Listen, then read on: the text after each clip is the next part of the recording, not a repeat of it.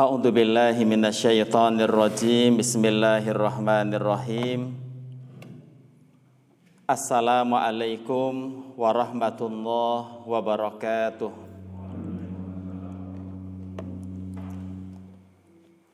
Alhamdulillah Wassalatu wassalamu ala rasulillah Ashhadu an la ilaha illallah Muhammadan abduhu wa rasuluh. Ya ayyuhalladzina amanu taqullah haqqa tuqatih Wa la tamutunna illa wa antum muslimun. Allahumma arhamna bil Quran. Jamaah salat subuh Masjid Uthman ibnu Affan yang dimuliakan Allah. Yang pertama Alhamdulillah Mari kita tidak berhenti untuk bersyukur kepada Allah Dengan memperbanyak ucapan Alhamdulillah. Mudah-mudahan dengan bersyukur kita akan ditambah rizkinya oleh Allah Subhanahu wa taala. Salawat dan salam semoga dilimpahkan kepada Nabi Muhammad sallallahu alaihi wasallam dan umatnya yang istiqamah hingga akhir zaman. Hadirin yang dimuliakan Allah Subhanahu wa taala, semuanya pada sehat Bapak dan Ibu. Alhamdulillah ya. Di sini ada jamaah Masjid Assalam sekaligus Masjid Uthman bin Affan ya. Ada Pak Atung di sini ternyata ya. Jadi di sana kelihatan, di sini kelihatan ya. Alhamdulillah ya. Baik pada pagi hari ini kita akan membahas tentang seputar bulan Rojab. Ya. Tanggal berapa jamaah bulan Rojab hari ini? Berapa? Dua. Ya. Yang jelas awal bulan Rojab. Kalau Januari sampai Desember kita hafal. Apalagi bulan-bulan Hijriah pasti di luar kepala. Ya. Yang pertama namanya bulan apa jemaah? Muharram. Yang kedua Sofar. Ya. Yang ketiga Rabiul Awal.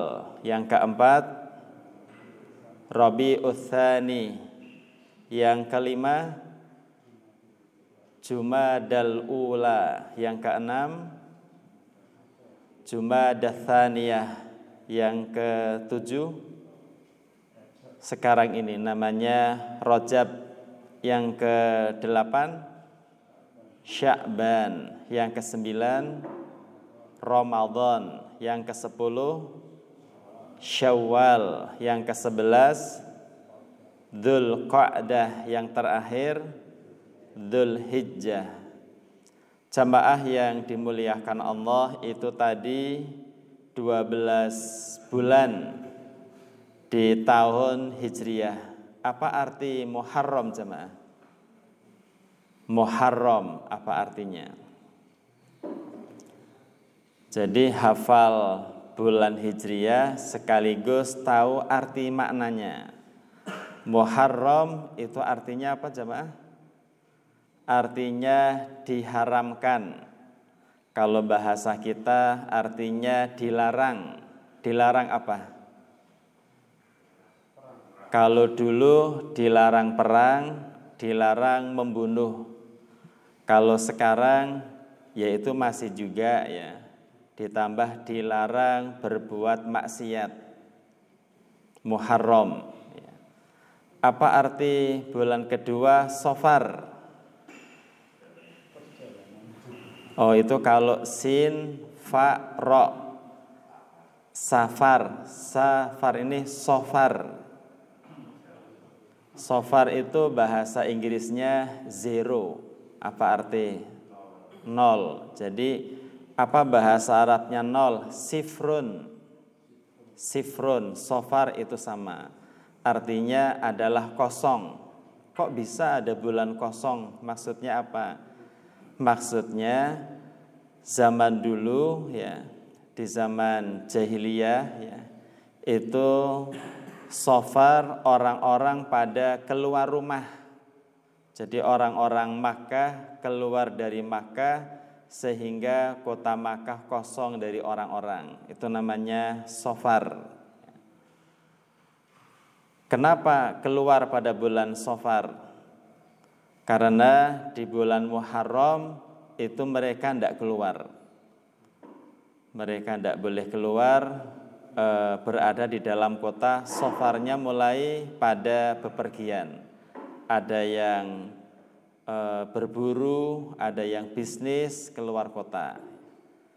Kemudian bulan yang ketiga dan keempat Robiul Awal dan Robiul Thani awal itu pertama Athani yang kedua apa arti Ar-Robi jamaah di Indonesia tidak ada Ar-Rabi itu artinya bulan musim semi.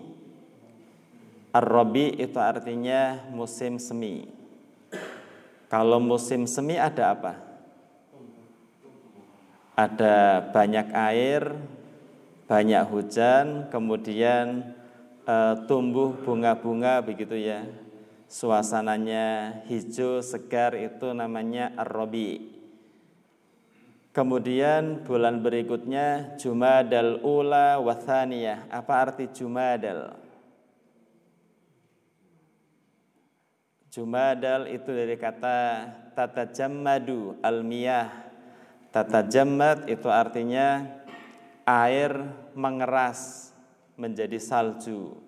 Maka Jumadal Ula dan Thaniyah itu artinya adalah ketika orang pada musim salju ataupun kondisi dingin airnya menjadi keras ya. Kalau di Indonesia tidak ada musim semi, tidak ada musim salju ya. Adanya musim apa ya? Musim duren. Ya, betul itu. Kita bersyukur ya. Tapi masih mahal loh Pak duren. Hmm. Kemudian setelah Jumat Thaniyah namanya Rojab. Rojab artinya apa jemaah? Artinya takdim, artinya menghormati dan memuliakan. Nah Rojab ini artinya bulan yang wajib kita muliakan, tidak boleh tidak. Harus kita muliakan, menghormati bulan ini, menghormati masjid, tahiyatul masjid, menghormati bulan Rojab akan kita kaji pada pagi hari ini minimal akan saya sampaikan lima cara menghormati bulan sekarang ini atau lima hal yang paling tidak kita amalkan di bulan Rajab. Sya'ban apa artinya? Kalau belajar bahasa Arab eh, fakultas ekonomi bahasa Arabnya apa? Syu'bah iktisadiyah. Jadi fakultas ekonomi Maksudnya syu'bah itu artinya berpencar-pencar. Orang Arab kayak di bulan Sofar, kalau bulan Sya'ban itu pada pergi. Ada yang bisnis, ada yang safar, ada yang berburu, berpencar-pencar, Sya'ban. Kemudian Ramadan apa artinya? Artinya panas, artinya membakar, maksudnya membakar dosa-dosa yang kita lakukan. Ya. Syawal artinya apa? Syawal artinya irtifa, artinya naik. Kok bisa syawal artinya naik? Karena setelah eh, belajar di kurikulum Ramadan, maka bulan syawal ibadahnya naik. Dan faktanya betul-betul meningkat soft solatnya. Ya, meningkat ya.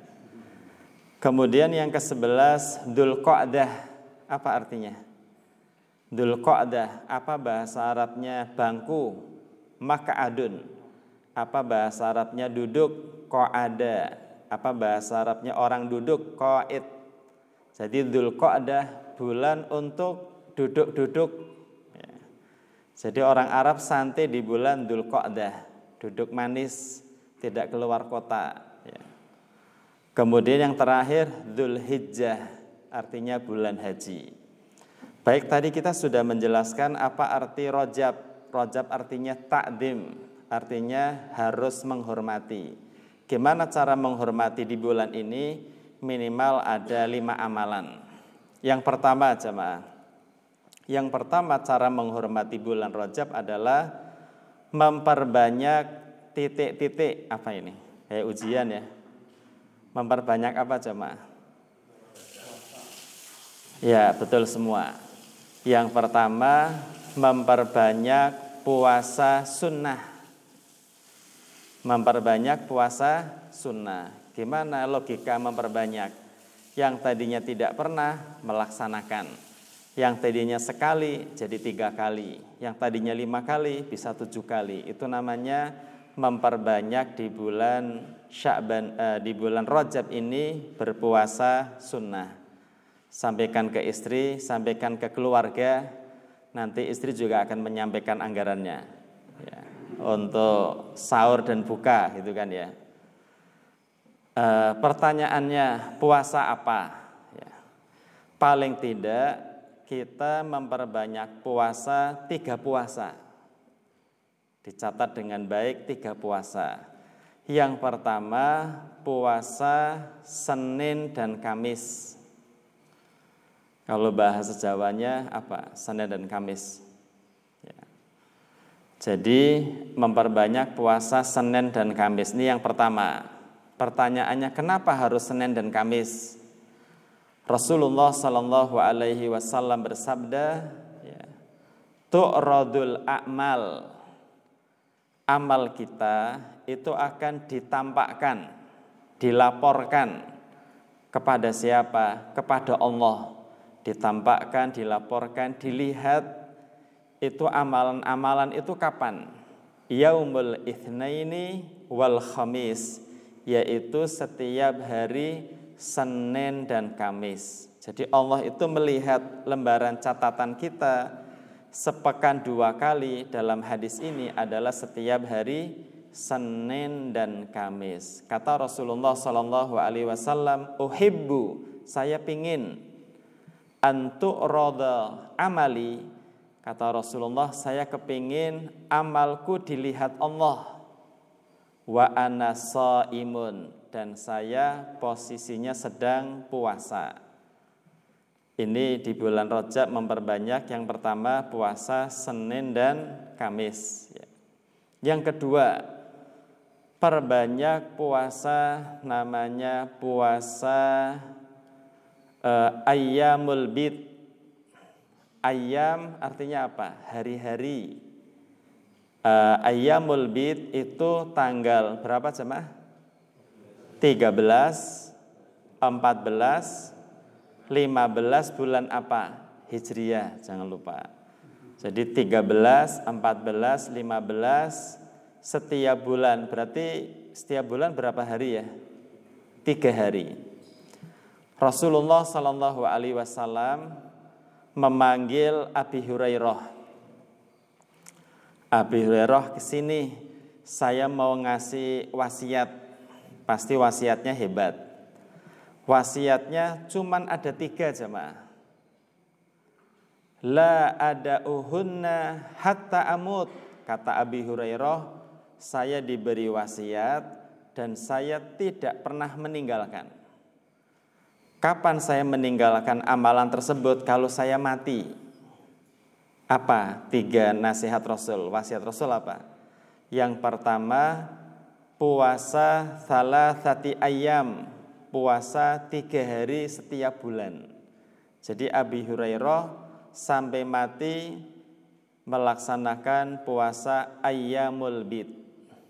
Apa sih hukumnya? Sunnah tapi beliau istiqomah dalam sunnah sampai kapan? Sampai meninggal. Yang kedua nasihatnya, wahai Abi Hurairah, laksanakan yang kedua sampai Anda meninggal. Apa? Salatul duha, sholat duha. Jadi sholat duha bagi Abi Hurairah dan teladan buat kita berhentinya sholat duha kapan jamaah? Kalau kita sudah pindah ke kuburan. Ya. Kalau sudah pindah berarti tidak sholat duha lagi.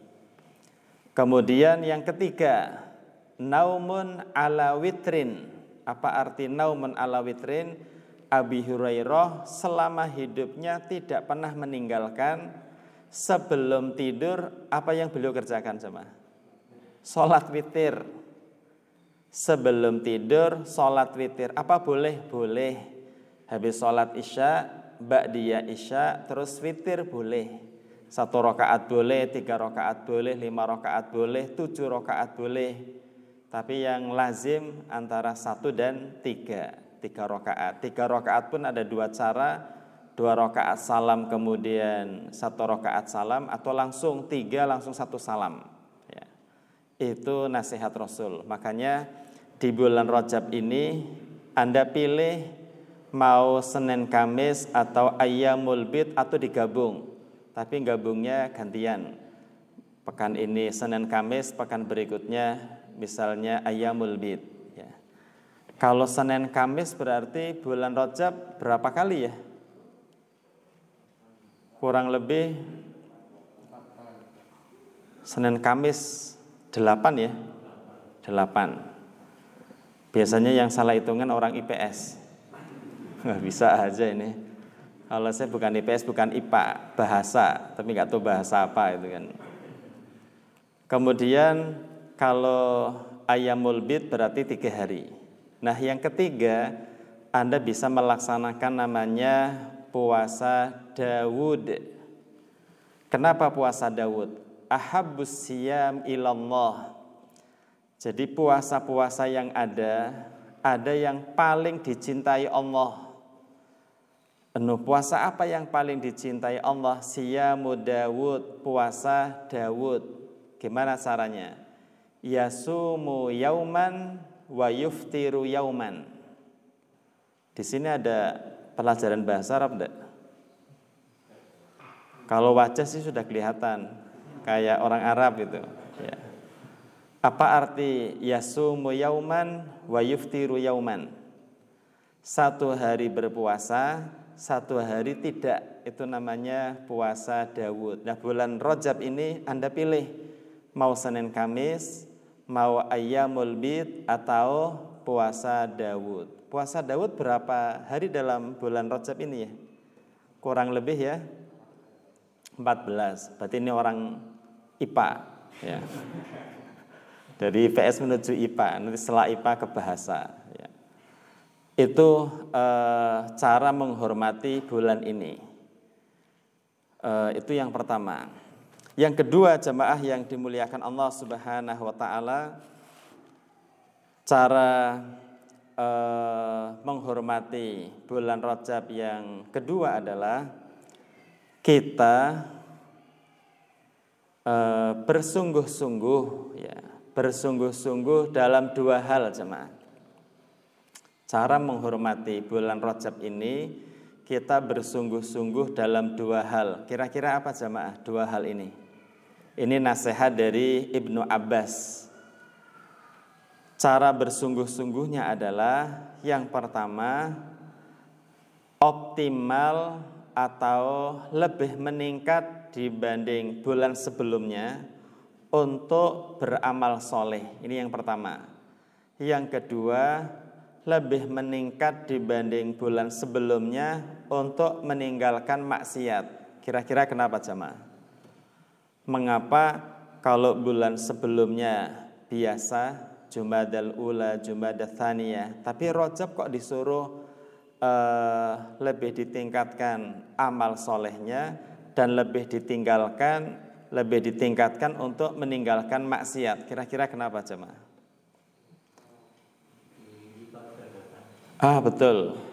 Berarti ini tadi IPA IPS ini Ustadz. Ya. Masya Allah, kelas ustadz itu ya. Kalau ustadznya berhalangan, Ustadz Supri gantiin. Ter, uh, terbukti gitu kan ya. Ini bukan apa namanya info atau apa nyata ya, fakta ya. Ini menurut Ibnu Abbas. Jadi rojab itu jamaah, rojab itu masuk kata kategori syahrul haram. Jadi rojab ini bulan sekarang masuk kategori bulan haram. Nah, apa pengertian haram jemaah? Haram itu arti pertama dilarang dilarang berbuat maksiat di bulan ini. Kalau dulu kan di zaman jahiliyah bulan Rojab tidak boleh perang, tidak boleh bunuh orang.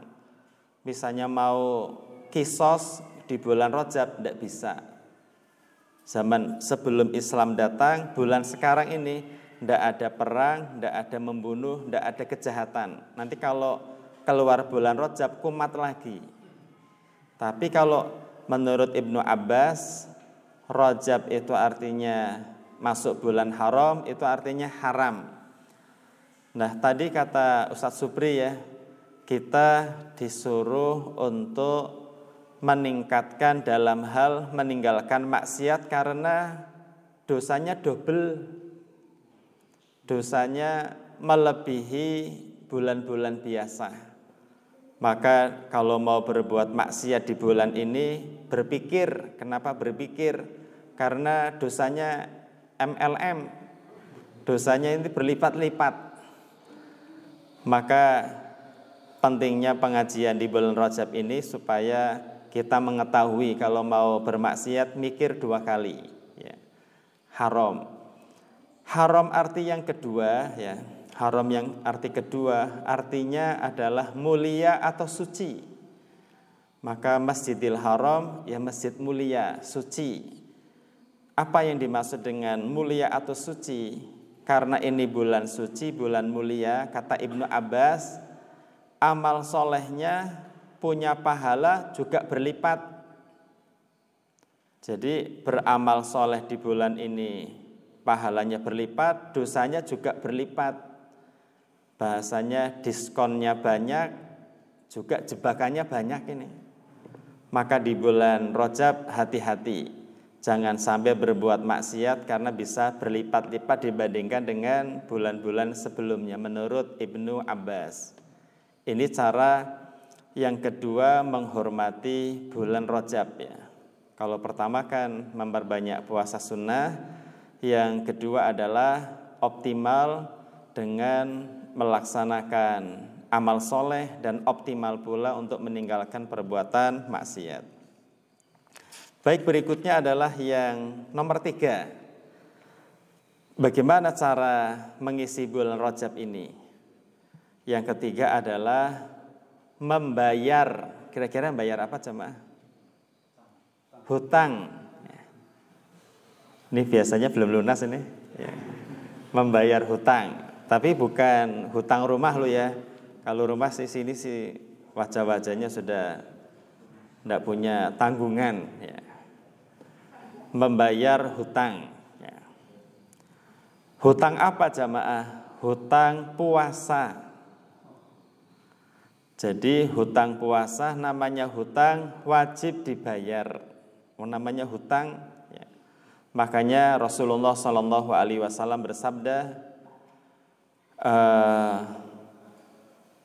man mata wa alaihi siyam soma anhu waliyuhu au fima makna kata Rasulullah sallallahu alaihi wasallam siapa yang meninggal dia masih punya hutang hutangnya berbentuk puasa wajib apa contohnya puasa wajib Ramadan ya. Ramadan dia tidak puasa sehari atau dua hari kemudian dia statusnya masih hutang karena Ramadan adalah wajib gitu kan ya. Kepingin eh, dibayar bulan Syawal nggak sempat. Bulan eh, berikutnya Qa'dah nggak sempat. Maka lampu kuningnya adalah bulan sekarang. Ini lampu kuning. Lampu kuning, jenengan lampu kuning berhenti apa lah? ngebut? Ngelabas ya. Masya Allah, Oke, jujur ya. Jujur itu mengantarkan ke surga. Masya Allah. Iya kok. Inna sidqa yahdi ilal jannah. Ya. Jadi orang jujur itu mengantarkan ke surga. Kalau ditanya lampu kuning itu berhenti apa jalan? Ngebut. Ya. Berarti orang jujur ya. Insya Allah uh, calon penghuni surga. Hadisnya kan jelas. Inna sidqa yahdi ilal jannah itu kan. Jadi ini warning, lampu kuning. Ngegas untuk membayar hutang. Ya. Kenapa? Karena hukumnya wajib wong sudah meninggal saja kalau hutangnya puasa wajib itu nanti anaknya harus ganti puasa. Kalau enggak kakaknya atau paman bibinya atau keponakannya atau cucunya soma anhu waliyuhu gitu ya. Atau bukan puasa Ramadan puasa nadar. Ini rumah saya kalau lunas ya misalnya gitu ya saya akan berpuasa dua hari.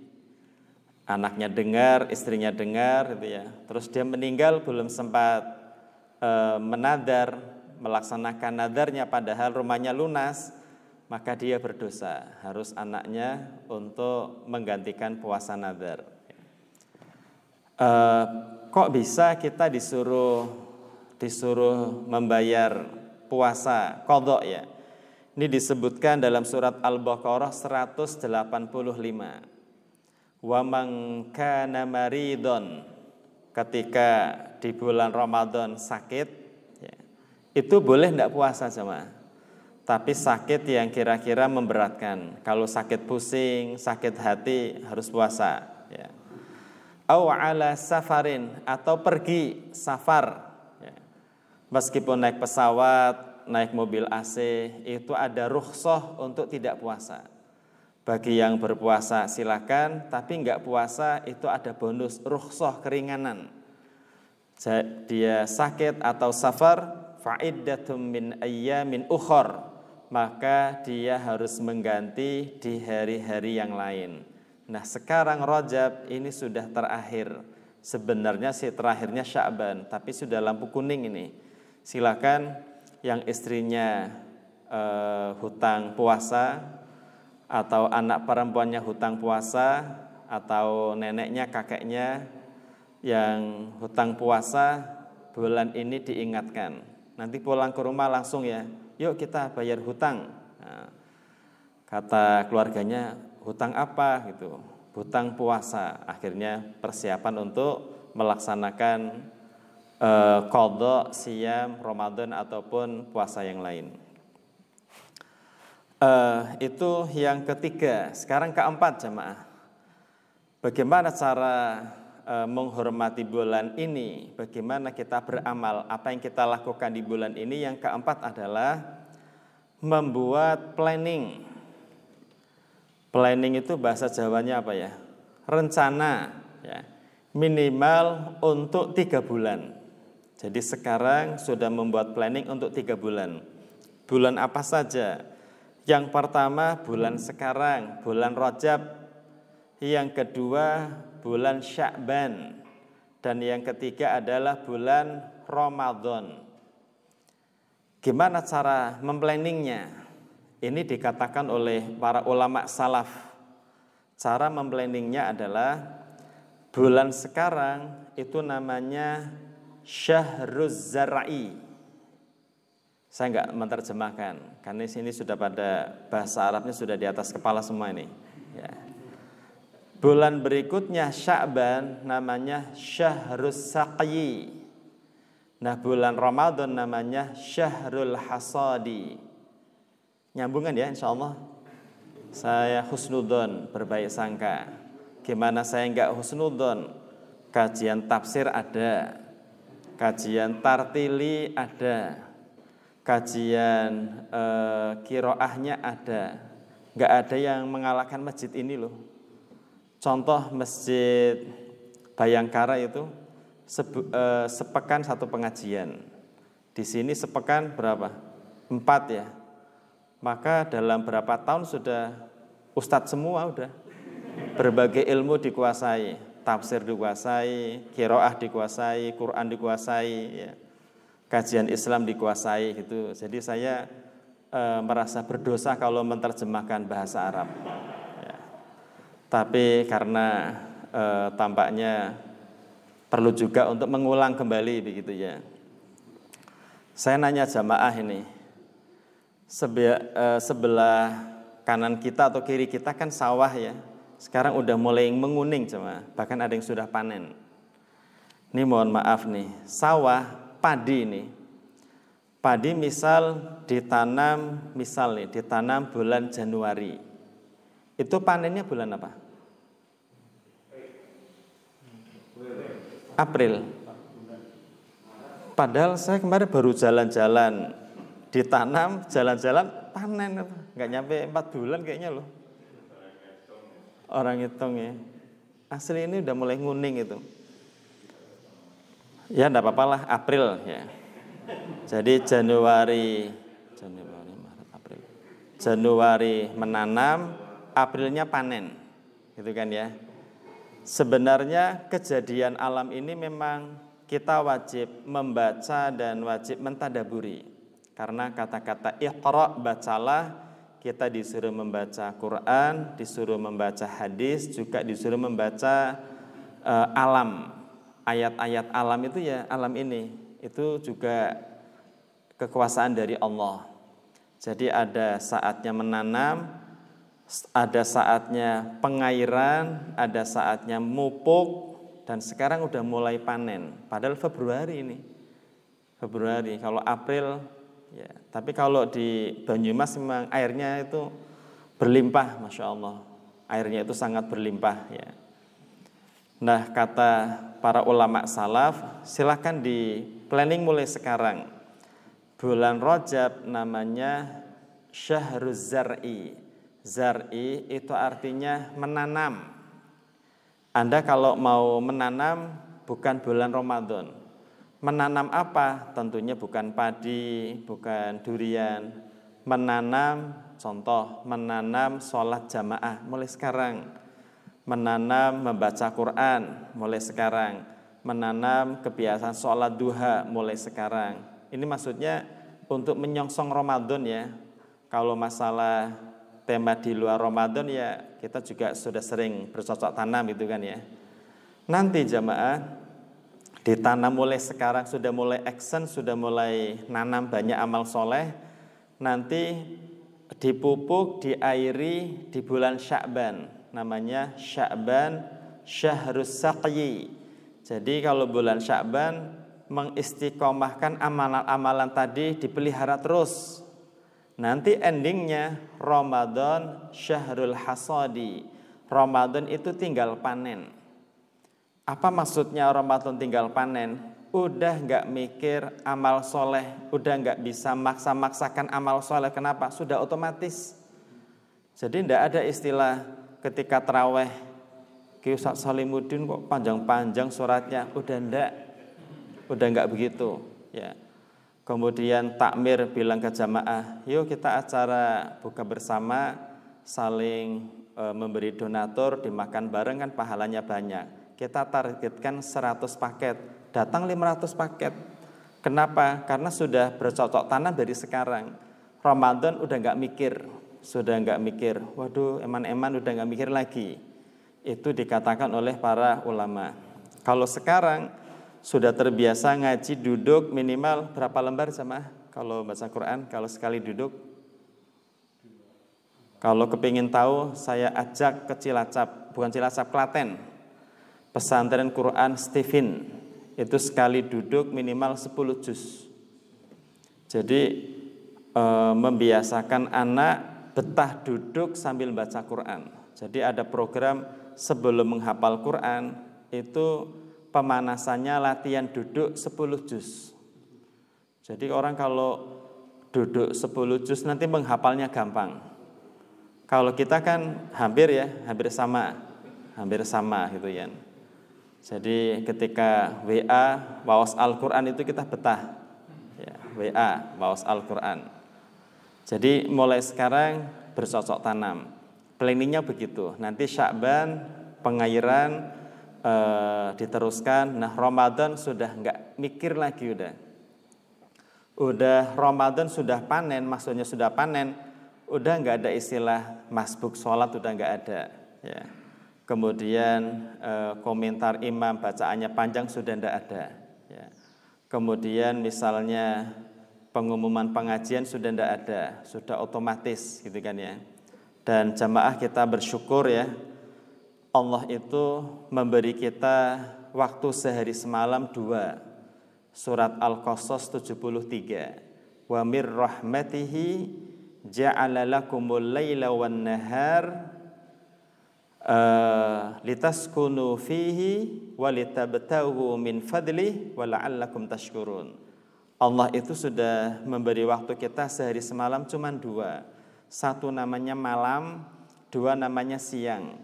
Kalau malam, kata Allah, litas kunu fihi, untuk istirahat dari pekerjaan.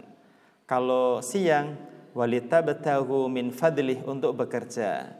Maka Alhamdulillah, siangnya kita sibuk bekerja, malah malam harinya istirahat dari bekerja. Salah satunya apa? Ngaji. Di sini sudah banyak program, alhamdulillah ya. Itu yang keempat jamaah ya. Sekarang berarti yang kelima yang terakhir. Yang nanti kita kalau ada waktu untuk tanya jawab gitu ya.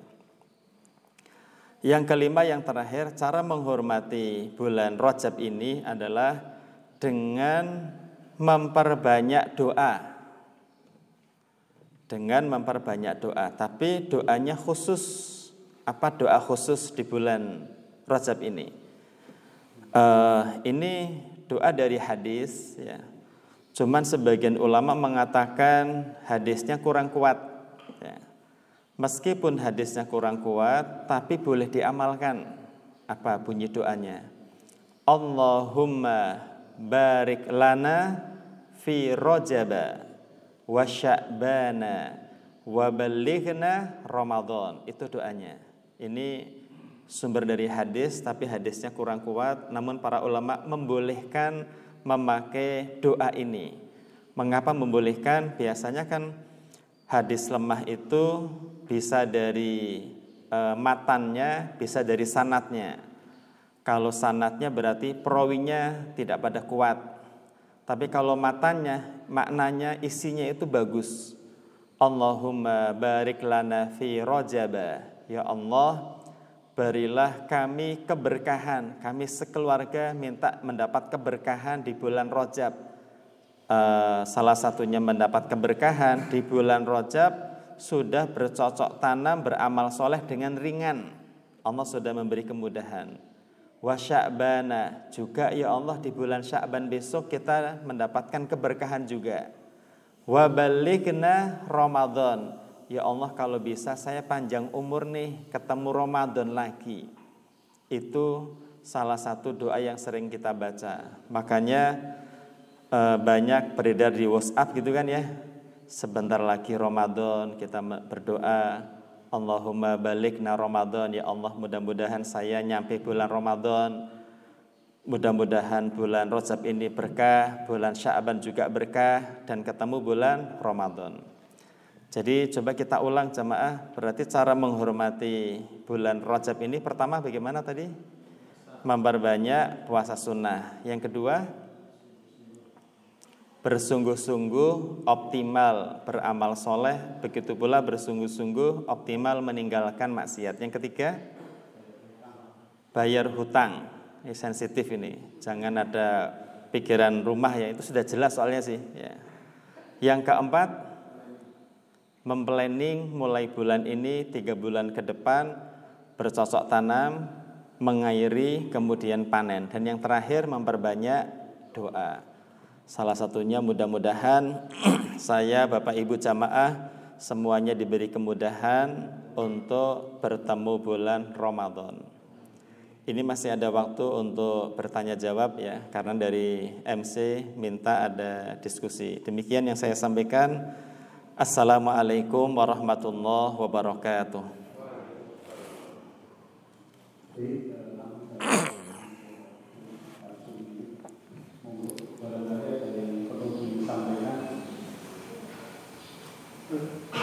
ada sangat penting ada pendapat jika seseorang siam kemudian belum selesai meninggal punya hutang siam itu tidak perlu dibayar karena apa sudah meninggal.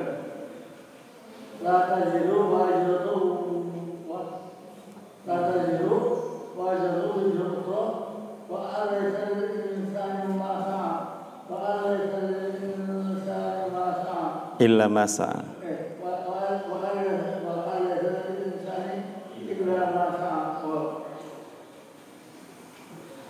Ini ada pertanyaan bagus jamaah ya. Orang yang berhutang puasa wajib saat Ramadan karena dia sakit atau saat Ramadan karena safar meninggalkan puasa. Contoh saja tidak berpuasa tiga hari, ya. meninggalkan puasa Ramadan tiga hari karena udur syari, baik dia sakit atau safar. Ada yang berpendapat kalau orang ini meninggal padahal belum belum dibayar hutang puasa wajibnya tidak mengapa. Dengan alasan seseorang tidak menanggung dosa orang lain wa alaysa lil insani illa ma sa'a seseorang tidak akan mendapatkan kecuali yang dia usahakan begitu pula mungkin dalil-dalil umum orang kalau sudah meninggal ya sudah selesai taklifnya sudah selesai kewajiban dia untuk beribadah masih hidup ya ada taklif ibadah, ada perintah ibadah. Kalau sudah meninggal selesai. Ini namanya dalil umum ya. Jadi di dalam kajian usul fikih ada dalil umum, ada dalil khusus. Ada istilah mutlak dan ada istilah muqayyad ya. Ada istilah umum, ada istilah terikat ya. Maka kalau ada dua hal satu umum, satu khusus, dikedepankan yang mana? Ini contoh-contoh ya. E, karena pandemi, e, yang sholat di Masjid Uthman itu sebaiknya orang perumahan. Terus ada berita lagi, karena pandemi yang sholat berjamaah di Masjid Uthman untuk dua hari kemarin, ya, itu yang sholat warga perumahan khusus RW berapa ini? RW 5 Kelurahan Karangluas Lor. Maka yang berlaku yang mana jemaah? Yang khusus ya. Ada umum, ada khusus. Maka lebih kuat yang khusus. Sama dengan tadi ya. E, ada dalil umum, ada dalil khusus. Gimana dalil khususnya? Rasulullah Shallallahu Alaihi Wasallam bersabda, kalau ayat bicara umum, kalau hadis bicara teknis. Man mata, siapa yang meninggal? Wa alaihi siyam, dan dia punya kewajiban berpuasa. Soma anhu waliyuhu, maka walinya atau ahli warisnya melaksanakan puasa. Nyambung jamaah ya. Berarti ahli warisnya menggantikan puasa kodok tadi karena nggak sempat dia bayar karena sudah meninggal. Maka saya di antara dua pendapat saya lebih condong kepada kalau ada seseorang meninggal kemudian dia masih statusnya punya hutang, hutang puasa wajib Ramadan atau puasa yang nadar wajib, maka hendaknya ahli warisnya berpuasa. Saya lebih condong begitu. Adapun jamaah silahkan ambil yang mana. Mengambil pendapat yang mana. Kalau kajian ilmiahnya begitu ada dua pendapat gitu kan ya. Jadi begitu Ustaz ya.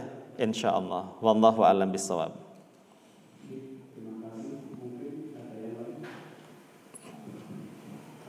oh ya monggo Eh, kalau tadi kan katakan kita membayarkan hutang puasa orang tua ya Eh, apabila kita tidak tahu jumlah apa puasa yang ditinggalkan orang tua terus gimana Oh ini juga pertanyaan unik lagi nih ya.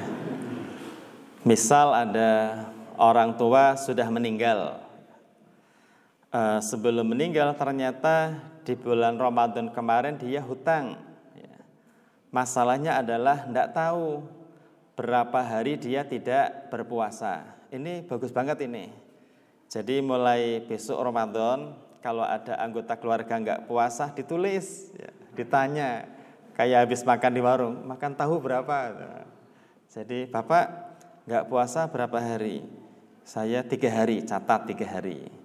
Kata bapaknya ikut ngaji, oh nanti saya mau mati apa ya? Wah, nggak nggak ada hubungan ya, meninggal nggak ada hubungan dengan puasa gitu. Ibu nggak puasa berapa hari? Tujuh hari, catat. Ya. Adiknya sakit atau safar berapa hari dek e, nggak puasa. Saya 15 hari. Aduh banyak banget. Bingung nanti besok bayarnya. Kemudian tanya kakaknya berapa nggak puasa sehari? Ah mantap sehari aja cukup ya. Biar saya biarnya gampang gitu kan ya. Itu bagus ya.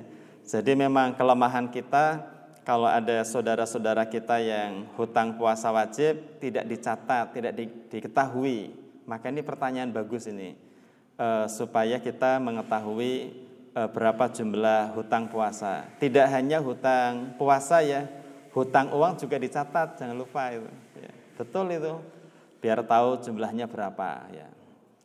Maka gimana kalau kita tidak tahu jumlah puasanya berapa? Kan namanya tidak tahu gimana lagi.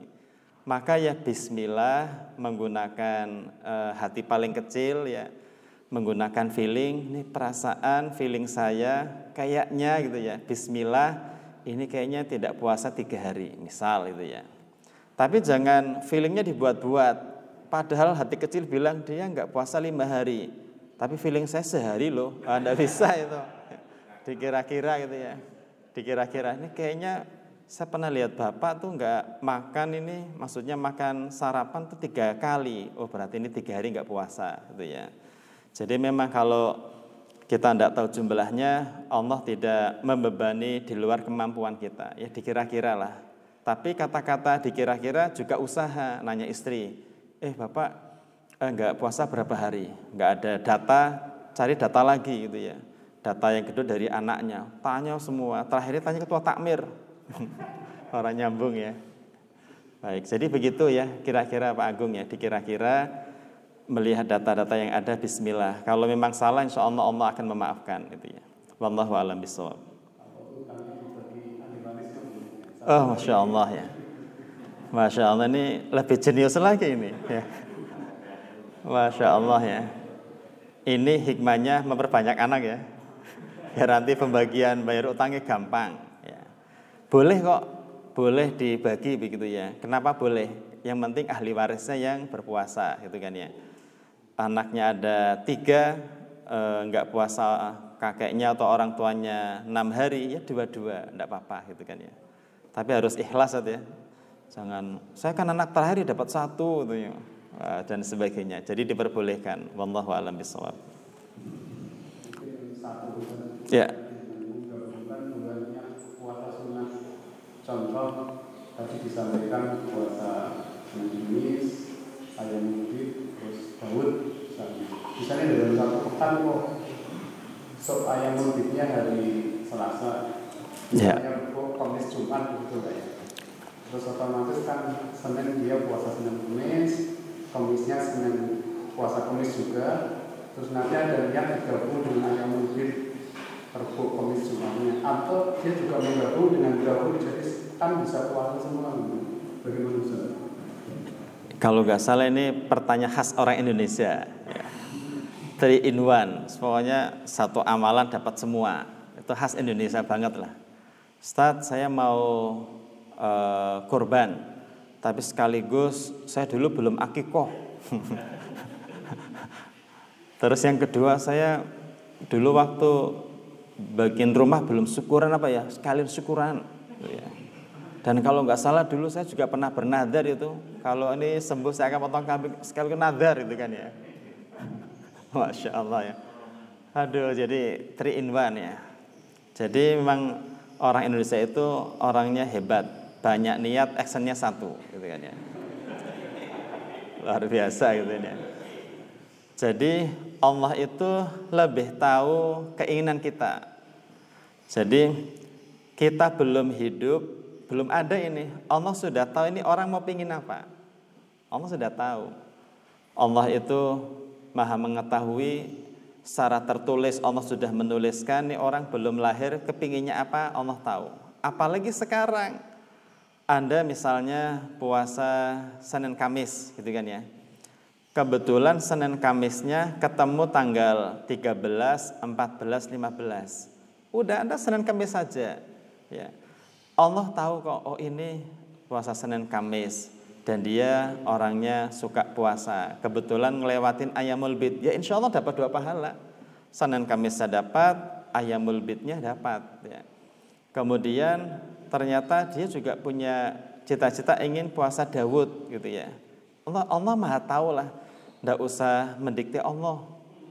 Jadi yuk kita sahur. Uh, ya Allah nih, saya mau curhat nih. Ya usah ngomong Allah tahu ini saya pengen three in one lah katanya. Senin Kamis dapat, Dawud dapat, uh, Ayamul Bid dapat. Tidak usah ngomong Allah tahu gitu kan ya. Dan tidak usah lugu banget datang ke takmir masjid ya. Uh, ketua takmir, Pak Ketua takmir sekarang siapa ya? Pak, Pak Isnen ya. Mana ya orangnya? Ya? Oh, masya Allah. Oh sekarang pejabat teras ya. Makanya duduknya di teras itu. Ya, masya Allah. Ketua takmir ya.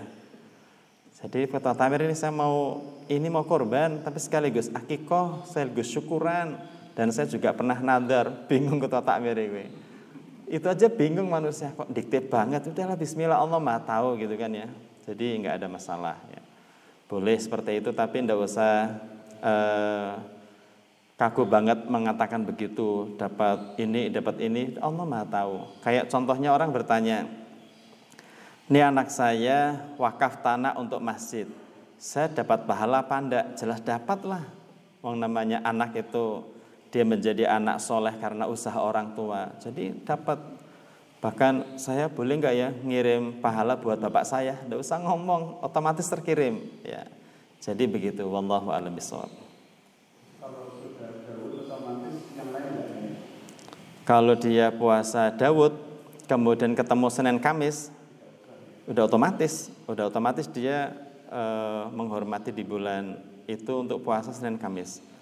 Dia puasa Dawud ke posisi di hari Senin, sekaligus tahu bahwa hari Senin Kamis amalan ditampakkan, udah otomatis. Ya. Sudah otomatis dia mendapatkan Senin Kamisnya Dawudnya. Ya.